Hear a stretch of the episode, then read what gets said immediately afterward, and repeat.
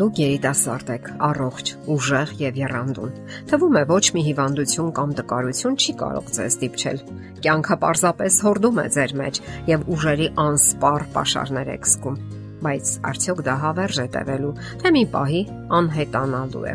Քանի դեռ երիտասարդ եք, միգուցե դեռևս լրջորեն չեք վերաբերվում ձեր առողջությանը եւ թեթևամտորեն վատնում եք օրգանիզմի կենսական ուժերը։ Սիրելի երիտասարդ, Երբևէ մտածել ես այն մասին, թե ինչպիսի հրաշալի օրգան է ապարգևել քեզ Աստված։ Այդ օրգանը ուղեղն է։ Մտածել ես նրա աներևակայելի հնարավորությունների մասին, երբ օգտագործում ես այն քո կյանքում։ Կարողանում ես խնամքով վերաբերվել եւ պահպանել քո ամենակարևոր օրգանը, այն օրգանը, որ պատասխանատու է քո ողջ կյանքի տրամաբանական որոշումների եւ կամքի համար։ Նկատում ես, որ այդ օրգանը ուղեղը այսօր գտնվում է համատարած ռմբահարումների տակ ինֆորմացիոն կամ տեղեկատվական ռմբահարումների ազդեցության տակ։ Իսկ շատերը ցավոք չեն պատկերացնում այն ողջ վտանգը, որի ներքո ապրում է այսօր ժամանակակից մարդը։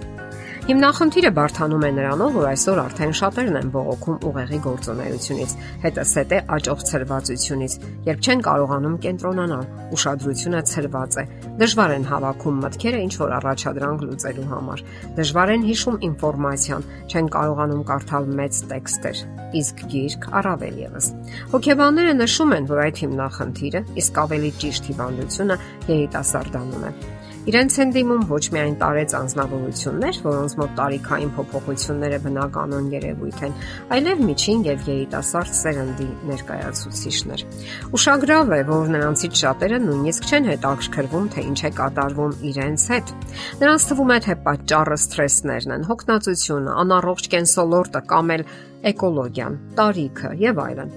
Սակայն չէ որ կան 70-անց տարեցներ, ովքեր ոչ մի հիմնախնդիր չունեն ոչ ուղեղի, ոչ էլ հիշողության հետ։ Պատճառը ինֆորմացիոն հեղեղն է։ Այն, որ մարդկանց մեծ մասն այսօր մեծապես միացած է համաշխարային ուղեղի համացանցի հետ։ Հասկանալի է, որ շատերի համար դա աշխատանքային պարտականություն է, շատերի համար էլ հետաքրքրասիրություն, իսկ որոշ մասն էլ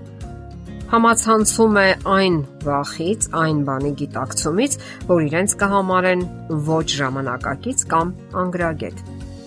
Լավ, իսկ ի՞նչն է հոգնեցնում ուղեղը։ Վիճակագրությունը ողրել է, որ մարդկանց զգալի մասը վախենում է մեծ բարբերություններից եւ չի կարդում դրանք։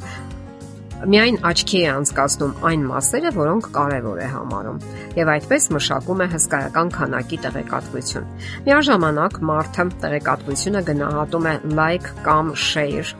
անելու տեսակետից։ Կիսվել ոմանց հետ դրանով թե ոչ։ Երբեմն մարդիկ կարճ հաղորդագրություններ կամ SMS-ներ են ուղարկում։ Ինչ հետևությունների կարելի է գալ այս ամենից։ Այն, որ համացանցը թմրանյութ է, ամենաիսկական թմրանյութ։ Միգուցե մեր օրերում անհնար է առանց դրա, սակայն խելամիտ օգտվելու առումով լուրջ հիմնախնդիրներ կան գանգատներ ունեն բոլորը, սկսած ծանրակշիռ պրոֆեսորներից մինչև շարքային աշխատողները, ովքեր չեն կարող իրենց կյանքը պատկերացնել առանց համացանցի։ Այդ բոլոր մարդկանց մոտ աստիճանաբար թուլանում է կարդալու եւ տեղեկատվությունն ընկալելու հմտությունը։ Դրանից բողոքում են նաեւ հին սերնդի մարդիկ, ովքեր նախկինում կարդալու մեծ հմտություն ունեին։ Նրանք ասում են, որ երբ երկար ժամանակ թափառում են համացանցում եւ հսկայական քանակի ինֆորմացիա են կլանում, բազմաթիվ էլեկտրոնային նամ նամակներ են կարդում, ապա այնպես են հոգնում ֆիզիկապես, որ օրվա վերջում այլևս չեն կարող նույնիսկ որևէ հետաքրքիր նյութ կարդալ, քանի որ առաջին բառերից արդեն այն դառնում է իսկական փորձություն։ Սակայն այս բոլորից բացի այլ հիմնախնդիրներ էլ կան։ Նշենք դրանցից մի քանիսը։ Շատերն ասում են, որ հարկադրված են նույն միտքը մի քանի անգամ կարդալ, որpիսի հասկանան կարդացածը։ Վատանում են այնպիսի հմտությունները, ինչպիսիք են արդեն կարդացած նյութը վերհիշելու եւ վերլուծելու ունակությունը, երևակայությունն աշխատեցնելու ունակությունը։ Էլ ավելի վատ է այն, որ մարդկանց 80%-ը թափառում է համացանցում եւ կասկածելի զվարճանքներ որոնում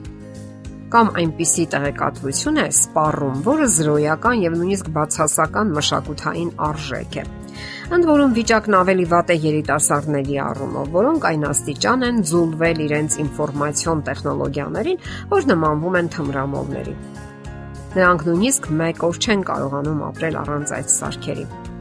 Երբ նրանք անջատվում են համաշխարային ուղեղից, հոգեբանական ճնշվածություն են զգում, խոճապի են մատնվում, կարծես խումարության մեջ լինեն, այնպիսի խումարություն, որ զգում են թմրամոլները, երբ չեն ստանում թմրանյութի համապատասխան ու հերթական չափաբաժինը։ Չեք հավատում։ Փորձեք համացանցից անջատվել ընդամենը 2-ից 3 օր եւ կզգաք հետևանքը։ Գուցե զարմանալի հնչի, սակայն այսօր այն կարծիքն է հնչում, որ շուտով բարդ տեքստեր կարդալը եւ նույնիսկ վերլուծելը, բարդ գրականությունից օգտվելը կդառնա միայն որոշ մարդկանց մենաշնորը։ Այսպես ասած, վերնախավին պատկանող մարդկանց մենաշնորը։ Նշանավոր գրող եւ մտածող Ումբերտո Էկոն իր վեպերից մեկում գրում է, որ գրադարան հարկավոր է թույլատրել միայն այն մարդկանց, ովքեր կարողանում են եւ պատրաստ են ընկալել բարդ գիտելիքներ։ Իսկ մնացածներին բավական է նաեւ համացանցից վերցված մեջբերումները։ Լավ, ո՞րն է ելքը։ Այստեղ չեն կարող օգնել ոչ մի տեսակի դեղահաբեր կամ սննդային հավելումներ, ոչ մի տեսակի սննդակարգեր կամ ուղեղը խթանող միջոցներ։ Այդ ամենը չի կարող կանգնեցնել ուղեղի թեր զարգացումը։ Ելքը մեկն է՝ ուղեղը չծանրաբեռնել ամեն տեսակի անիմաստ ինֆորմացիայով։ Այդ գործընթացն իհարկե չափազանց բարդ է, իսկ որոշ մարդկանց համար համարյա անհնար։ Եվ այնուամենայնիվ միակ ելքն այն է, որ սահմանափակենք այն ժամանակը, որ հատկացնում ենք թվային տեխնոլոգիաներին։ Ընտրենք ամենապիտանին ու կարևորը։ Զարգացնենք մեր ուղեղը, զարգացնենք մեր տրամաբանությունը եւ կվայելենք մեր առողջությունը։ Եթերում է ճանապարհ երկուսով հաղորդաշարը։